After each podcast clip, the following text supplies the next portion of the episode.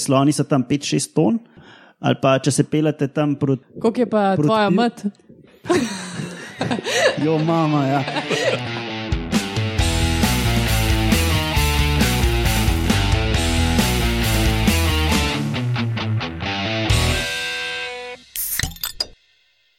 Lepo zdrav, poslušate 42. oddajo Metamorfoza. Metamorfoza je podcast o biologiji organizmov, ki gostuje na Metini listi. V tej 42. epizodi imamo spet zanimive stvari. Med novicami imamo o tem, kako termiti prisluškujejo mravljam, pa o tem, da se tudi čmrli znajo žogati. Pod ali ste, vedeli, imamo, ali ste vedeli, da so trupla kitov na dnu oceanov pravi mali ekosistemi, Eh, vaški posebnež je pa kljunaš. Tako da, preden začnemo, povem, kdo je danes tukaj. Eh, Za mešalko, kot vedno, Roman Luštrik, zdrav Roman, Živijo. pa Urša Živjo. Pa Alenka in Lauro Rozman. Živijo. In danes za spremembo snemamo pri Urši doma, ne pri Alenki in Lauro. Ne? Uhu, zato malo odmeva. Ok, povemo še, kdaj snemamo. Na današnji dan, leta 1988, je umrl Civil Wright, ameriški genetik. Prejšnjo epizodo smo omenjali. Civilne pravice? So umrle? Civil rights. um, v prejšnji oddaji smo omenjali Ronalda Fisherja, ki je bil med drugim tudi uh, menda en od treh začetnikov populacijske genetike, in en od ta drugih dveh je pa ta civil right, ne civil rights, civil right. um, ja, no, in pač s tem je imel tudi uh, velik vpliv na moderno sintezo evolucije. Leta 1841 pa se je rodil John Murray, britanski oceano, oceanograf, morski biolog in limnolog. Limnologija je preučevanje rek in jezer um, in smatrajo ga za očeta uh, moderne oceanografije.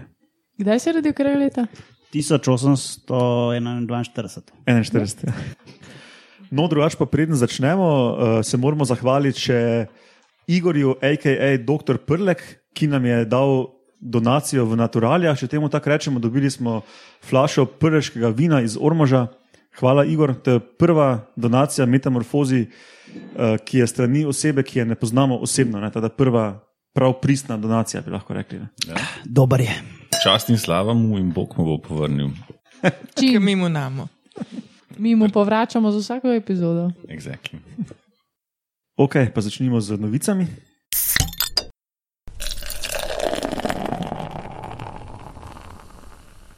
Ok, začnemo s termiti in mravljami in prisluškovanjem. Zdaj, prisluškovanje v biologiji, oziroma v angleščini eavesdropping, ne, eh, ne pomeni samo slušno prisluškovanje, ampak v bistvu, da uporabiš nek signal nekega drugega organizma, brez vednosti tega organizma, ali je to zvok, von, opazovanje, karkoli. Ne. No, in seveda je prisluškovanje tudi pomembno pri socialnih žuželkah, kjer je velika gostota um, osebkov v nekem malem prostoru. Ne. Um, slabo je raziskano, recimo, kak je to med vrstami. No, in v tej študiji so raziskovali termite, katerih glavni plenilci so mravlje. No, in za mravlje je znano, da pač imajo zelo dobro kemijsko komunikacijo, za termite je pa obratno znano, da imajo zelo dobro taktilno, mehansko komunikacijo, se pravi, da čutijo, ne, recimo um, z udarjanjem po lesu, zaznajo neke materialne lastnosti lesa, pa koliko je tega lesa, pa tudi komunicirajo med sabo z nekimi vibracijami, medtem ko mravlje se pa ful bolj z feromoni sporazumevajo. Recimo, ne, in so pač predvidevali, da mogoče so pa neke medvrstne interakcije plen-plenilec, se pravi mravlje proti termitom, da imajo tudi um, vibracije, kaki, um, kako vlogo tukaj. Ne. No, in so, to so eni Avstralci delali in so vzeli ene avstralske termite in mravlje, ki se pogosto tudi v naravi skupaj pojavljajo in ki je znano, da pač te mravlje plenijo te termite. In so v seriji laboratorijskih poskusov in terenskega opazovanja pogruntali, da prvič termiti hodijo ful tiše kot mravlje, približno stokrat tiše kot mravlje. Ne? Se pravi, bi lahko rekli, da po prstih hodijo v primerjavi z mravljami ne? ali pa po kremplicih. Ne? Kakšno je pa masno razmerje? Tako po, tak po videu se spomnim, da delovke termitov so tako za polovico manjše kot mravlje. Recimo. Ja, drugače pa je obramba termitov doskrat to, um, to neko trdo gnezdo, ta te, termitnjak, pa še uh, kasto voščakov imajo, ki so pa bistveno večji. Ne? um, ki stražijo, ampak vseeno, mravlje so posotne. Da ti termiti pač hočeš nočeš živijo v mm, bližini mravelj, pa tudi izven gnezda morajo iti, tako da pač morajo imeti neke mehanizme, da se obranijo mravelj. Ne. No, in v naravi, recimo, naredijo gnezda celo čist ob teh mravliščih, uh, ampak potem naredijo uh, steno gline in mravlje ne zaznajo teh termitov, medtem ko termiti pa vejo točno, kje mravlje hodijo. Ne. Potem so to potem v laboratoriju, v seriji poskusov ugotovili, da um, dejansko termiti mravlje ne vohajo, ampak zaznavajo korake mravelj, ne. se pravi, prisluškujejo lomastenju mravelj. Ne. No, in ti uh, avtori tega članka sklepajo, da mravlje, vsaj večina vrst mravelj, so um, generalisti, se pravi, pač jejo karkoli pride. Ne? Ali so to neke um, odmrle živali, ali uplenijo živali, ali so to kosi rastlin, pač karkoli. Ne? Da pač ni bilo v evoluciji nekega selekcijskega pritiska za to, da bi aktivno zaznavali termite, medtem ko so pa mravlje pač. Uh, Ta najbolj pomemben plenilec termitov, zato pač na termite pa je selekcija, da oni se znajo ubraniti mravelj. Ne? In so potem tudi delali neke poskuse, to še ni objavljeno, da pa mravlje, ki so specializirane za termite, pa hodijo tiše in tudi uh, zaznavajo feromone termitov. Recimo, ne? Tako da prosimo naše poslušalce, da tega ne grejo testirati, ker bojo oni to objavili. no, pa so še pa nekaj zanimivega odkrili v tem članku. Ti vojščaki, termitski, ne, ko jih mravlje napadejo, začnejo udarjati z glavo ob tla, in amplituda tega udarjanja je takšna kot hoja teh mravelj. Ne? Da v bistvu z mravljim signalom opozarjajo delavke, da so mravlje tam. Logičen. Ja. No, potem pa so še povedali, da bi pa aplikacija, se pravi uporabna vrednost te študije lahko vlada pač v teh državah, recimo Avstralija ali pa jug ZDA, kjer imajo probleme s termiti, da bi recimo z zvočnimi signali lahko odganjali termite, recimo če bi pač neko mravlje korakanje tam spuščali ne, po hišah. A to, so, mislim, to je znano, oziroma to so tudi v tem članku debatirali, kakšna je reakcija termitov na te signale. Spravo, oni se vedno umaknejo, ni tako, da bi se mogoče še več vojščakov zbrali, pa probali obraniti, ampak konc koncev se vedno umaknejo. V laboratoriju niso pač imeli spopadov celih gnezd, ker to pač v laboratoriju ne moreš imeti. Ne. V laboratoriju mm. so dali neke termite v škatlice oziroma je bila škatlica predeljena z nekim lesom, ki je hrana za termite, in pač pa so gledali, koliko termiti riskirajo, da jejo ta les, če vejo, da so na drugi strani mravlje. Ne? In pač bistveno več žrejo les, če je na, na drugi strani prazna kamrica, ali pa če, če so mrtve mravlje, se pravi, mravelj ne vohajo, ampak ker ne hodijo, je pač varno. Ne? Če so pa žive mravlje, ali pa če so zvočni signali mravelj, pa ne riskirajo preveč, pa ne jejo tistega lesa. To v bistvu pomeni, imaš termite ali imaš mravlje, nikoli nimaš obojga. Ja, ne, ne, naprimer bi- v kuhinji. Ne, uporabna vrednost pravijo, da bi bilo, če, bi, če ti veš, uh, kira vrsta termitov, recimo, sobiva s katerimi mravljami, pa veš, s kakšno amplitudo pa frekvenco se te mravlje, pod narekovaji, oglašajo, hodijo. Ne? Bi ti lahko te signale spuščal po hiši, mogoče, če imaš full termitov, pa bi se moče oni preselili ali pa delali manj škode, ne? kakorkoli. Kasneje ti bajto požrejo. Ja, ja, pač malo bolj počasi gre.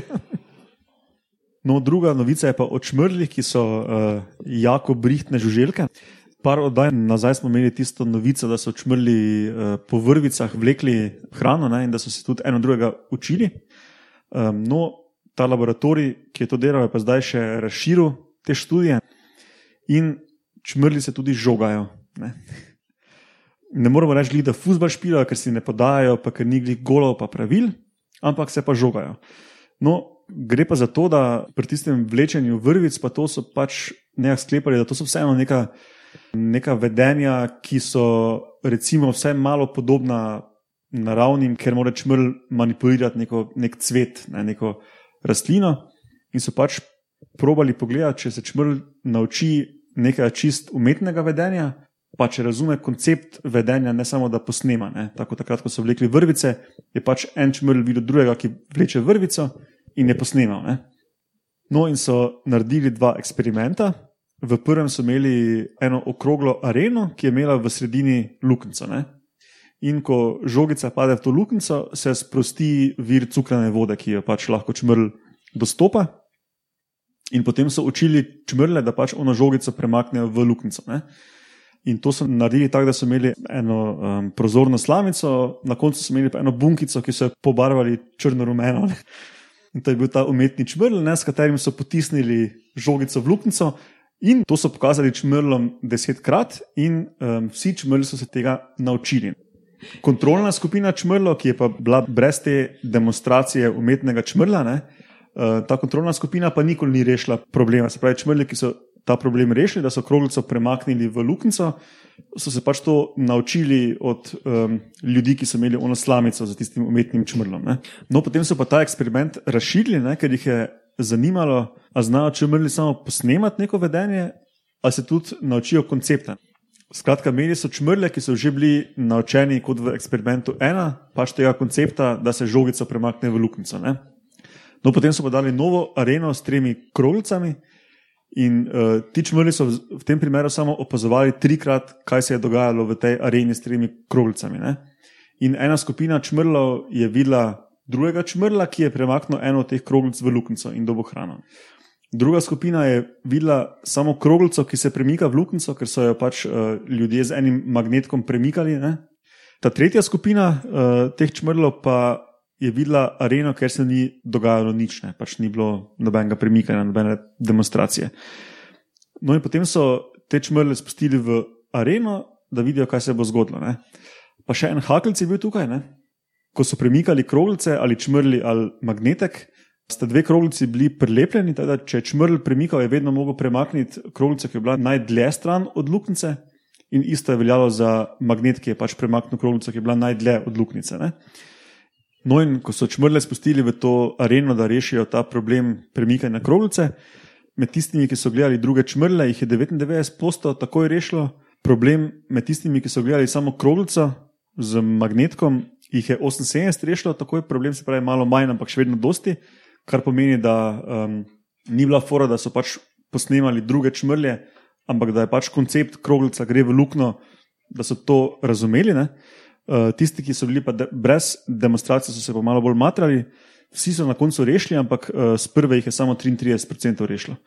Um, no, še boljša fora, ne? ti čmrli, ki so potem bili v eksperimentu z tremi kroglicami, niso imeli nobene prilepljene. Ne?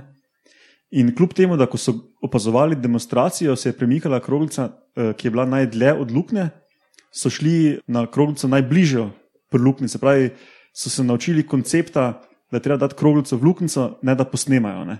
Um, kar je zelo impresivno za ene žuželke. Ne? Za ene usrane čbele. Točno to. Ne? V bistvu me se zdi impresivno, kjer je želi vse se folk spomne učiti. Ja, sorte stvari. Meni, meni so ti čmrli vedno bolj všeč, ko vidim, kaj znajo delati. Jaz mislim, da bi mogli ti uh, raziskovalci v tej skupini naslednjo provat dati 11 proti 11 čmrlom, dva gola, jih pobarvati na Real Madrid ali pa Barcelona ali pa Maribor Olimpija. ne. Pa da cukor vedno šprica, ki gol zadanejo. Čeprav čmrli so bajasni, oni so že na, na pol uh, rumeno, vijolični. Ja. Mislim, meni se to zdi prav logično. No, potem pa so imeli še en dodatni test, kjer so pa menjali pri teh kroglicah, da je bila recimo ena druge barve ne, in ta barva ni imela nobene veze. Ne, se pravi, niso si zapomnili um, neke barve kroglice. Pač bistvo je bil, da je ta okrogli objekt treba spraviti v tisto luknjo. Impresivni so ti čmrlički. Pametne živali. Ja. Še kako vprašanje? In vse tiho je bilo, torej si natočimo nov glas in gremo na ali ste vedeli.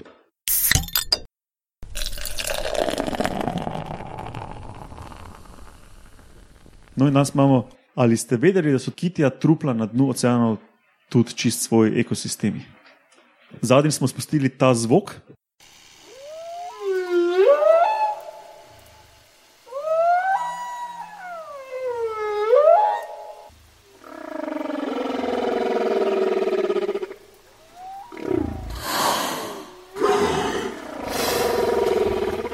To je bil en kit, ki mu pravijo grenlandski kit, balena, je rod. No, ni važno, kje kit je, ker pač trupla teh velikih morskih sesalcev, ki potonejo globoko na dno, kot bo Roman povedal, eh, funkcionirajo kot lastni ekosistemi in zato gre v tem, ali ste vedeli. Ja, kot je omenil Kiti, mogoče bi si najprej pogledali, koliko so te živali velike, slash težke.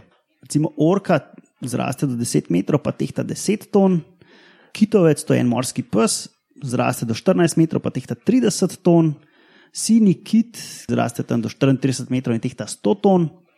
Kakšni manjši skati pa zraste do nekaj metrov, pa nekaj ton. Zdaj, za primerjavo, koliko je tone? Koliko so sloni? Ok, sloni so tam 5-6 ton. Um, se pravi, orka je kot dva slona. Ne? Ja. Ali pa če se pelete tam proti. Koliko je pa Proti tvoja mat? Jo, mama, ja.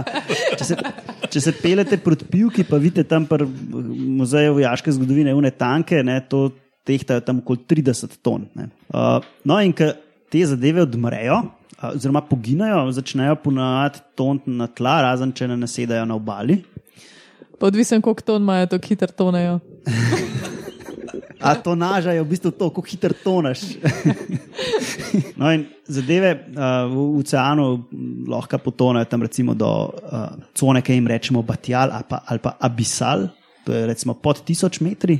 In tam so zelo veliki hidrostatični pritiski, pa zelo nizke temperature, kar pomeni, da se zadeve tam zelo počasi odvijajo. Se pravi, dekompozicija je ful bolj počasna kot recimo v plitvinah ali pa na kopnem nekje v. Oh, tropih. man, kaj je to dekompozicija?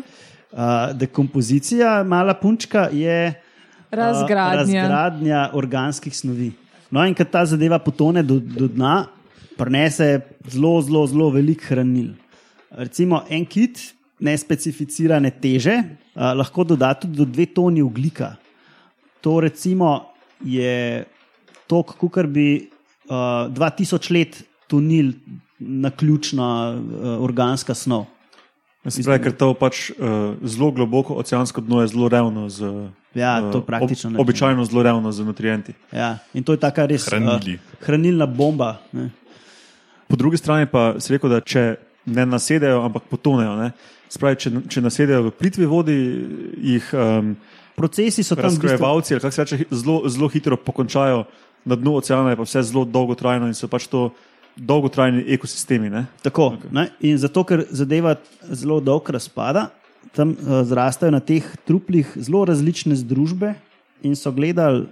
Različne združbe, um, ki je potonil kit ali pa recimo eh, kakšen morski pes, se pravi, kakšna hrustančnica. In so um, opazili, da se razlikujejo združbe, ampak to je lahko čist na, iz vidika velikosti trupla, pa mogoče fiziologije, ki ga imajo sesalci ali pa hrustančnice.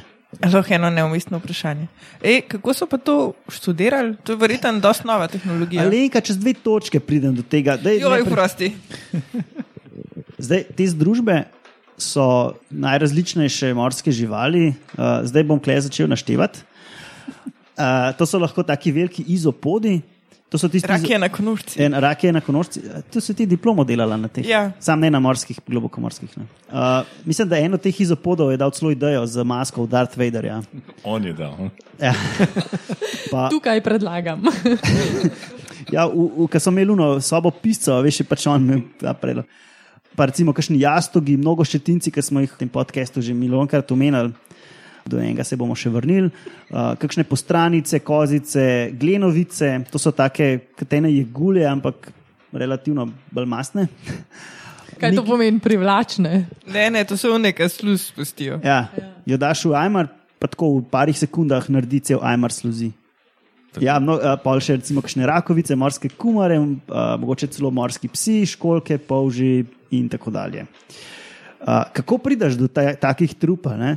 Uh, včasih so, alenka zdaj pošuš. Um, včasih, ko so drežali, ne, se, pa- se pravi, take mreže ali pa naprave so um, vlačali po dnu in so na, nadrežali tudi kakšne kosti kitov in so najdali recimo gor te različne živali. Sam to niso tako globoko drečali. Ja, ja, to, Ja, okay. to je lahko zelo globoko. Oziroma, kasneje uh, so z neposrednim opazovanjem to videli. Um, če omenjam, recimo, samo en ta batiškaf, no, te, tehnično se reče batiskaf, ampak je škaf bolj smešno. Uh, trst, trst dve. Uh, v bistvu so Italijani, naredi, v Italiji so naredili po enem švicarskem načrtu en, eno ladjo, uh, en škaf, ki se, ki se zelo globoko lahko potopi, ki se mu reče trst, treste. Pa so pa to ameriški vojski prodali in so iz tega naredili Trst 2, uh, in s tem so relativno veliko raziskovali. Uh, no, in takrat so tudi opazili te globoko morske. Pa zdaj poslušalci ne vejo, kaj je to batiskaf. To je zelo velika krogla, ki zdrži zelo velike pritiske in se lahko potopiš kilometr več. In imajo noter kamere in ja, in, opazujejo. ja. Včasih so pa kar ljudi noter dal. Pa. Pa v bistvu podmoranca. Ok, ja, podmorenca. Na daljinsko upravljanje. Ja. Imamo tudi pri nas, se razvijajo, Gregor Krvina razvija uh, tazga samo hodečega, samo plavajočega, tako da to bo zelo zanimivo. No in recimo, procesi na teh truplih so zelo um, inte, lahko relativno intenzivni in potekajo v anoksičnih pogojih, se pravi, pogojih, ko kisik ni prisoten. Kisik je pa potreben za dihanje, ne, zato ker kisik v bistvu uporabljamo za to, da nam ga damo, okay, nima veze. Uh, uh, ta kemija ni tako zanimiva, ampak no, te bakterije tam uporabljajo, na mest kisika uporabljajo sulfit, uh, sulfat, ki ga pretvarjajo v žveplov dioksid, ki je pa zelo strupen in pol tam res sam čudne stvari ži- živijo. No, uh, omenil sem te mnogoščetince, da živijo. Uh, en rod imenujemo Osedax, uh, to, je ena, to je en tak črček, ki nima oči, pa ust. In smo ga že omenili In pri. Uh, Uh, v epizodi uh, 33, uh, Ja. ja. ki smo snemali glave. Halloween epizoda. Ja? Um, recimo, no, ličinka tega črva preb, uh, nima prebavil. Te črvički razvijajo take škrge, da lahko dihajo, pa ena tako na rekovajih, ko- v air quotih, korenino, s katero lahko s pomočjo bakterij kopljejo v kost in tam pridejo do teh hranil. Zdaj pa ena taka zelo zanimiva stvar, ki se mi je zdela. Uh, Ocenjuje, da je na svetu uh, v- v danem trenutku okoli 700 tisoč trupel po teh migracijskih poteh, teh ve, večjih sesav, uh, večjih morskih. Ker, če se, uh, če se prav spomnim, je eno truplo lahko hrani organizme več desetletij. Ne? Ja, razgradnja lahko poteka tudi sto let. Recimo. Aha, no, no, Ja. ja. Ja, No, in po teh uh, migracijskih poteh, če predpostavimo, da je 700 tisoč trupel, to pomeni, da je eno truplo na, na, na 5 do 12 km na razen. Migracijske poti so pa od ekvatorja do polov, ne? Ja, Gor tako, in tako, dol. Gor in dol tak Ja, odvisno krog. od vrste Ja. in odvisno od. Ja. Ja, tako da v bistvu, ko smo se v tisti 33 epizodi sprašvali, kako te ličinke to najdejo, ne? ampak če to od, od, sedem- od 5 do 12 km na razen, to v morju ni nič. Ne? ja. To je zelo blizu skup, tako da mogoče ni presenetljivo, da je toliko teh uh, zadev. To so ta trupla, v bistvu taki, kot neki otočki. v Oaze. bistvu, za- Ja. Mm. Roman, odgovoril si na vprašanje, če obstaja življenje po smrti. Ja, in zelo eh, biološko pestro je. Se tako, kar rečejo, a dead tree is more alive than a live tree. Ne? Se pravi, mrtvo drevo je bolj živo kot živo drevo. Definitivno ima večjo pestrost. Uh, Roman, omenil si tudi uh, neke manjše živali. Ne? Če se jaz prav spomnim, ko sem tako bežno to preletel, so tudi neke različne faze uh, na teh ekosistemih in da jih definirajo. Da če so, mislim, da če so manjši, ne nujno sesalci, no, ampak recimo neki večji morski psi, da um, pač trupla potonejo in da se v bistvu vse konča pri tem, da jih pojejo, um, Že večje. Ja. kako se že reče, scavenger. Uh, Mrhovinarji. da jih pojejo mrhovinari. Uh, Medtem ko pri teh velikih truplih kitov, pa potem pride v neke druge faze, ker pa dejansko se trajno na, naselijo gor organizmi, ki so specializirani za življenje na truplih. Ne, da ni pač naključna morska kumara, ki pride in malo pohrusta, ampak je pač, so to neki organizmi, ki so specializirani na življenje na truplih. Ne. Ja, Matjaš, to je vse res. Trupla razpadajo v večjih fazah, ampak sem se temu hotel izogniti, zato ker opazovanje teh manjših trupel temelji tako na nekaj opazovanjih. Pa sem rekel, to mraj preskočil, mm. ker mogoče ni tako zanesljivo. Ampak ja, so opazili, recimo, da enih faz pri teh manjših skatih pa to ni, zato, ampak ne vejo zakaj. Pač, mm, to je težko preučevati, vsaj v naravnih pogojih, no, ker je Am- relativno drago. To. Ampak glih te faze ne, so pa tiste, ki definirajo, da je to truplo dejansko en ekosistem. To, to Zato, smisla, ker- ja, to smisla. Ja, ker zdaj, če govorimo, da so ti ogromni, veliki morski sesalci svoj ekosistem, potem ko umrejo in potonejo, ekosistem je pa definiran kot neko dinamično ravnovesje, ne, ki se spremenja tekom časa in v bistvu gre preko teh definiranih faz. Ne, pač sukcesijskih in vsebuje vse te uh, skupine oziroma communities. Uh, Združbe. Združbe, ne, ki so in primarni proizvajalci, in dekompozitorji, in plenilci, in ne vem kaj še vse. ne. Sa, Ja. Všeč rečem? všeč mi je, kako kratko in jedrnato, pritrdiš. Ja, hvala, Urša, da si dopolnila ja. to. No, drugače pa za vse poslušalce, ki tega še ne poslušajo blazno dolgo, uh, Roman je nekak um, morski geek. Ne? Da Če, če ima kdo kakšna bolj specifična vprašanja o morskem življu, ja, lahko naslovite na Romana. pa Sa, bomo- Sam morate biti nežni, jaz o tem zadnjih sedem let ful malo razmišljam. No. Ampak ja, bom pa vesel, če lahko spet kaj pogledamo to temo. Okay, smo obdelali kitija trupla, potem pa čas za še en kozarček in gremo na vaše posebneže.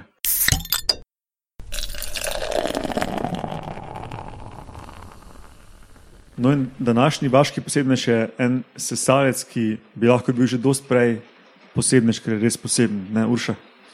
Ja, je res poseben. Um, hkrati pa tudi mislim, da večina ljudi, prav zato, ker je tako poseben, živi za njega. To je kljunaš. Uh, on je endemit Avstralije, Tasmanija in mislim, da jug, nek južni del Avstralije, samo tam. Mislim, da je uh, na celem shodu, od uh, juga do severa vzhodne Avstralije. Vzhodne no, Avstralije. celem uh, East Coastu. No. Ja, ja, samo tam ga najdemo. In ta prva stvar, ki ga že dela posebnega, je njegova, v bistvu tako. Taksonomija, ne, se pravi, kam spada. On je kljunaš je sicer sesalc, ampak je en tip sesalca, ki, eh, ki ni podoben nobenim drugim tipom sesalcev. Ne. Imamo tri različne. Ene so ta skupina, v katero spada kljunaš, pa še kljunati ježki, uh, druga skupina so te, kamor spadajo vrečari, in tretja skupina so te, kamor spadamo mi in še ostala večina sesalcev. Uh, Ki jih poznamo. Mm, za kljunjaša je značilno, in za kljunjate ježke, da ležejo jajca. Uh, za vrečarje je značilno, da nimajo placente, pa ležejo žive mladiče, in za nas in nam podobne sesalce, ki smo večina sesalcev, je značilno, da imamo placento, se pravi posteljico, in ležemo oziroma rodimo žive mladiče. To je to. To so te osnovne razlike od teh treh skupin. Kaj moram povedati, par predstavnikov vrečarjev, če kdo slučajno ne ve? Naprimer, koale. Kenguruji. Wombat, tako se to reče. Vombat. Ja. Pač Avstralija. Ne? Ja, dej, ko govorimo o kljunašu, govorimo ponavadi o vrsti. Um, Noben se pa mogoče ne zaveda, da je tudi pod svojim rodom edini predstavnik. Ne? Kljunati ježki, naprimer, jih je več vrst, pa so tudi en rod, ampak za kljunaša je pa samo ta ena vrsta. Uh, ki pač se pa naše reče kljunaš. Uh, po latinsko se reče kljunašu ornitorinhus anatinus, Ja, redovno ime pomeni duckbill, se pravi uh, račje kljuni. Ta drugi del, uh, se pravi vrstno ime, pa pomeni ena luknja. To pa zato, ker uh, ima kljunaš kloako, tako kot mogoče poznamo to od ptičev. Ne? Se pravi, ena odprtina za vse tri vrste izločkov, no, če In- lahko in plod. iztrebkov, ja. Ja, se pravi, urin, iztrebki, pa tudi plod, ne, uh, oziroma jajce v tem Pa primeru. Spolne celice v ritmu. Ja, ja. Zdaj, ta skupina sesalcev, ki sem omenila, se pravi, uh, kljunaši pa kljunati ježki, so se že 220 milijonov let nazaj ločili od ostalih vej sesalcev. To je grozen dolg časa nazaj, če me ne vprašaš. Ne. Oni so tako kot te, kakšni stoletniki med ljudmi. Veš, ko vsi, ki so z njimi, vsi njihovi vrstniki so že davno mrtvi. Ne? Ja, ja. Z, z nobenimi drugimi nimajo veliko skupnega. ne. Mislim, saj, če jih že sam pogledaš, imajo en, en del zgleda karaca, to je ti sklun, en, zgled, en del zgleda vidra, to je ta kožuh ne, in njihovo pač obnašanje, kako se potapljajo in iščejo hrano, pa tudi mogoče po eni strani ti njihove uh, tačke oziroma rokce, šapice, ne vem kako bi temu rekli. Ne. Potem ta zadnji del repa zgleda kot od bobra ali pa mogoče od kakšnega čudnega kuščerja, ki je tako zadebeljen pa usnjat. Ne. Če že to razlagam, ne, prvič, ko so ga uh, ti evropski uh, eksplorerji, raziskovalci, ki so prišli v Avstralijo in prvič, ko so najdel kljunaša, so mislili, da se Bog z njimi zajebava. Ne. Kaj zdaj to, da je skupaj sešil del race in del neke vidre ali bobra. In dejansko je bilo tako, da so te uh, ta prvi naseljenci v Avstraliji, tudi bili eni izmed njih ti naravoslovci ne, in so pošiljali potem tiste živali, ki so jih najdel preparirane nazaj v Veliko Britanijo, v tem primeru so bili to Britanci, no, ki so prvi prišli v Avstralijo. Tistim biologom oziroma naravoslovcem, ki so bili takrat tam, to je bilo 18. stoletje, no, približno. Tisti naravoslovci, so, so, ki so dobili klunaša pred sabo, so res začeli gledati za šive, ne, ker so mislili, da jih je en nategnil. Mm, se pravi, za rep sem omenila, da zgleda tako uh, močen usnjat. To je zato, ker ima noter rezervo maščobe, kot imajo mogoče kakšni kuščari, ne, pa tudi bobri. Uh, potem prsti, na, na prstih ima kremple, med njimi pa tako močno plavalno kožico, kar lahko spominja na kakšne ptice vodne, ne, kot je kakšna raca, gos, labot in tako naprej. Kljun ima pa, mislim, kljun, ja, ima pa kljun. to pa tudi zelo netipično za zasalce. Eh, čeprav meni, da uh, se mladičem formirajo zobje, ne? Ja. pa potem hitro izginejo, pa ostane samo ta Ja. živina sklun. Vse to Ok. sem mislila, pa tudi razložiti, ampak če si že glih omenil, ne, kljun je brez zob, ampak to samo pri odraslih. Mladiči se rodijo uh, z zobmi v kljunu, ampak jim zelo malo izpadejo. Kar je posledica, ne, je to, da imajo nek tak uh, brez zob kljun in kako se pol prehranjujejo. Zelo enostavno, ne? skupaj s hrano, oziroma zaužijajo hrano in njegovo, njeno okolico, kjer, ki predstavlja neko blato, drobir z kamenčki, ne? in potem to vse skupaj uporabljajo kot nek tak mlinček, da hrano zmeljajo in potem pogotnejo vse skupaj. Ne? Kljunaši namreč s tem svojim klunom rijejo po tleh uh, od vodnih teles, največkrat so to neke reke, lagune, potoki in lovijo razno razne nevretenčarje, mehkušce, uh, rake, včasih celo kakšno žabo ali pa kaj tasga, ne? um, ampak večinoma neke živ ma- manjše živali, ki se nahajajo v tleh. Zelo zanimivo in zelo posebno za kljunaše je pa to, da način, s katerim najdejo svoj plen, ni samo tako na ključno pač brskanje in govtanje tega mulja, ampak uporabljajo elektroreceptorje. To mogoče smo bolj navajeni, oziroma smo že slišali in dobro poznamo pri eh, nekaterih ribah in sicer hrustančnicah, to so morski psi, skati in uh, sorodni, ki lovijo s pomočjo elektroreceptorjev, se pravi, zaznavajo električno polje od svojega plena. Ne? To je mogoče, če si predstavljate tiste morske pse, ne, ne vem, kako se po naše reče, hammerhead. Um, Kladavice. kladovice, ne, kako oni lovijo, ki gre v bistvu po dnu, tako malo levo, desno, ne, tisto svojo glavo ob- obračajo. To v bistvu, kot da bi skenirali morsko dno ne, in iskali, kje je plen. Zelo podobno plavajo klunaši, ker na isti način iščejo svoj plen. In v bistvu ta signal uh, uh, električni dobijo, ko se plen premakne, zato ker ga nekako mišice formirajo oziroma oddajajo. Ne. Um, Tudi človeške ribice imajo to, ne, ki živijo v temi in ne morejo videti plena. Ne. Ja, ja. Mm, ja, zdaj, kar se tiče morfologije, mogoče še ena zanimiva stvar, da je razlika med samicami in samci to, da imajo samci na, um, na peti, se pravi na zadnjih nogah, strupen trn. Skozi ta trn izločajo en močen strup, ki je v bistvu tako močen, da lahko ubije psa, človeka pa kar orang uh, prizadene oziroma rani. Uh, kako ne temu rečemo? Onesposobi. Ja.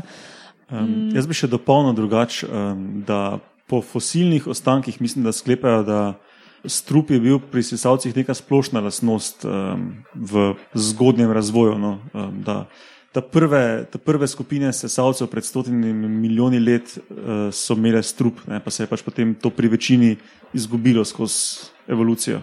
Isto je z zobmi, verjetno. Ja, ja. Pač to, da smo omenili prej, da imajo mladiči zobe, pomeni, da so predniki verjetno imeli, pa se pa, pač potem to izgubilo pri kljunašu. Ne?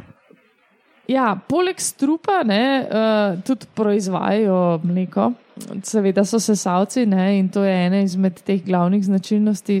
S tem, da pri kljunašu ne bi glih rekli, da sesajo, ne, zato ker kljunaši nimajo seskov, ampak bolj kot ne mladiči ližejo tisto mleko, zato ker um, kljunaši ga izločajo preko nekih kožnih port. Lahko bi si mogoče to najlažje predstavljal, ker se mi spotimo ne, preko kožnih port, ko oni tudi izločajo na podoben način mleko, ki se sicer pol ujame v nekih vdolbinicah kožnih ali karkoli, Ja, pač imajo mlečne žleze, ne? Ja. nimajo pa še uh, seskov. Ne? nimajo pa or, Ja, tkiva To si ali organa. enostavno Ne. Mhm. predstavljati, da pač. Um, Očitno ima ta kljunaš dosti nekih izvornih lastnosti, Primitivnih. sesalcev, ja, evolucijsko primitivnih. Ja. Ja, In ja. enostavno si je predstavljati, da se pač um, v razvoju nekih organizmov pojavijo mlečne žleze, ne pa še prav seski, ne, ampak se pač izloča to z nekimi izvodili v koži. Pač pri klinašu se potem to zbere v nekih žepkih na zadku, meni se zdi. Če smem jaz še malo svojega notranjega piflarja ven spustiti. pač te mlečne žleze tudi pri nas so preobražene lojnice. Ja. Um, ker že itak ma, jih imamo vse posod po koži, samo da pri nas so ta izvodila združena v sesek. No. Mm, ja. Pa tudi to bi dodala, no, mogoče um, zanimivo je, da to mleko ne, uh, ima zelo visoko vsebnost nekih antibakterijskih proteinov. Uh, veliko više kot uh, mleko te tretje skupine sesalcev, v katero spadamo mi uh, Večina, in ja. ostali, večina. Ja. Um, in to Da mogoče. ne skisa v njih žepkih. Dejansko je to hipoteza, no, da zaradi tega načina izločanja, da je zato veliko Aha. antibakterijskih proteinov noter, ne, da tam mali ne fašajo tako že neke eh, smrtonosne zadeve. Glede razmnoževanja je tudi tako, ne? kljunaši so zelo samotarski in uh, imajo sicer teritorije, ampak sam pride v plodi in gre. Um, in potem so samice tiste, ki same vzrejajo svoj zarod, uh, skopljajo rov v brežinah in ga lepo tudi zapečatijo z nekimi um, stenicami, ne? da, da jih ne zalija voda in da ne pridejo blizu plenilcev. Potem pa na koncu rova si naredijo neko tako zelo improvizirano gnezdo in v njih zležejo jajca. Potem pa tista jajca, ki imajo mehko lupino, ne, niso tako strdo lupino kot pri pticah. Potem pa tista jajca valijo deset dni in potem se iz njih zležejo mladiči, ki so zelo mali, neopogledni, slepi in tako naprej, kakršni goliči. Um, tako da, kot so te živali zanimive, no, pa jaz vem, da si jih predstavljam tako kot neke take, mogoče malo skrivnostne, pravlične, ne, oddaljene nekje. Mogoče lahko povem eno anegdoto, kako jih je videti v živo. Ne. Ko je bil gospod Gozna Jožica v Avstraliji, uh, to je bilo že dolga, dolga leta nazaj, ko še ni bil gospod Gozna Jožica, ampak vseeno, so šli na neko točko, za katero so slišali, da je super, da se vidi kljunaše. Ne? In to so bili tako nad eno reko, na enem mostu, in tam si pa je, pač je bila super laguna, oziroma nek tolmun, ne, kjer so vedno bili klunaši in, in ti po vodi plavali in si jih lahko opazoval. In je rekel, da pač dobro so prišli na tisti most, ne, so gledali dol in dol pač v vodi tako, trije klunaši, dost mirni, tako en pravokotno na drugega so lepo plavali mirno. Mal se jih je videl njihovega hrbta na, na gladini in to je to. Tako da nič kaj to exciting, razborljivega in pretresljivega, kot bi se kdo predstavljal, no, ampak sem prepričana, da BBC pa zna bolj predstaviti te Prej ta zgodba zanima nekega tvista ali pa nekaj. Jaz Ne. sem čakal, da boš povedal, da so bili pa v resnici mrtvi, ker je ne vem kdo jih tam lovil ali ne vem kaj. Ne, vse to je point, ne, pač to je to. pač zgleda, so kar nek, neke veje ali les, ne, da vodi. A ja, glede plenilcev, no, če omenjam, mogoče kje krokodili, drugače pa dosti teh nekih zračnih plenilcev, kakšnih orlov, Koliko so kakšni pa veliki? varani tudi. To sem pozabila povedati. Koliko mislite, da so veliki? Um, nekaj kilogramov, se pravi, malo večji od mačka. Jaz bi tudi mislil, da je neka vidra. ali Jaz bi nekaj. tudi rekel, tako 7 minut, um, 70 cm dolgi. Natančen si bil, Laura, 77 pa pol. Narobe, mislim, uh, dolgi so 40, približen. Ne? Tako da v bistvu je to dosta mečkana zadeva. Zdaj, sem tudi kašnega mačka imaš, ne? kašni so večji, kašni manjši. Ampak jaz sem si tudi večje Kako pa predstavljal. tehtajo? Od 1 do 2,4 kg so samci, samice pa lažje, od 0,7 do nekaj čez 1 kg. Spet, to je kar precej lažje kot mačka. Ne? Ja. One zelo male mačke so tam 3 kg, moja mačka je bila eh, 7 kg samcne. Mi dva smo imeli zajca, ki je bil 5 kg. Eno, ja. Vidra za primerjavo, pa recimo tam tudi do 12 kg. Uh, to je to, kar se tiče našega klunaša. No. Uh, Meni se zdi ful zanimiv. vam pa tudi najbrž. Tudi meni. Ja. Upam, da tudi poslušalcem. uh, ja, ok, pol pa najboljše, da zaključimo. Kot rečeno, podcast gostuje na medijskem mreži Metina Lista. Najlažje nas najdete na Facebooku, Metamorfoza ima svoj Facebook stran, pa na Twitterju pod hashtag, oziroma ko sem zvedel, to je ključnik Metamorfoza. Ja, Lovro, ne tako čudno gledati, ključnik. A celo svojo besedo a ni smo Lloyd Ne, ne, ne, ključnik. Okay. Skoraj kot ključna beseda, samo da je ključnik. Pišete nam lahko na metamorfoza afna metinalista.si. Veseli bomo kakršnih koli komentarjev, eh, pohval, kritik. Če imate vprašanje o kakšni temi, ki smo jo preslabo razložili, lahko pišete na e-mail ali pa na, no, na kjerkoli platformi, pa bomo razložili v naslednji oddaji. Um, če hočete, da je vaš glas v oddaji, lahko tudi posnamete, pa nam posnetek pošljete. Um, tudi, ko kakšne zvoke spustimo, uh, smo veseli vaših ugibanj. Tisti, ki bo prav ugano, bo, uh, ga bomo časno omenili kot uh, zmagovalca. Kot uganitelja. Ja. Uh, zdaj za naslednjo oddajo nimamo zvokov, ker bo o materinstvu, potem pa bomo spet imeli. Drugač pa nas dobite na različnih kanalih, Romana najlažje na Twitterju pod etromunov, Uršo pod etgozna jožica, uh, Laurota pa Alenko na blogu Slastno in na Facebooku pod njunimi imeni, mene na Twitterju pod etmatjaš Gregorič. Prosili bi vas, da nas širite po vaših družbenih omrežjih in kanalih, to nam bo pomagalo, da še kdo od nas kaj zve. Če nas poslušate kje, na kakšni platformi, ker lahko date oceno ali komentar, recimo na iTunesih, bo tudi to dobrodošlo. Jaz sem hodila reči, širite po omrežjih in kanalih um, in povečate možnost, da bomo dobili še kakšno donacijo. Flaša vina. Ja. Ta današnja je šla super v promet, je že ni več, rabimo novo. Ja, um, tudi kak cekin bi nam prav prišel, da še kak mikrofon kupimo, uh, še kakšno stojalo, novo mešalko načrtujemo. Ja, drugač pa hvala vsem vam poslušalcem za poslušanje, vam štirim mojim sovoditeljem za sovodenje, Oleju Reuterju za logo in do slišanja naslednjič. To? Ajde, čau.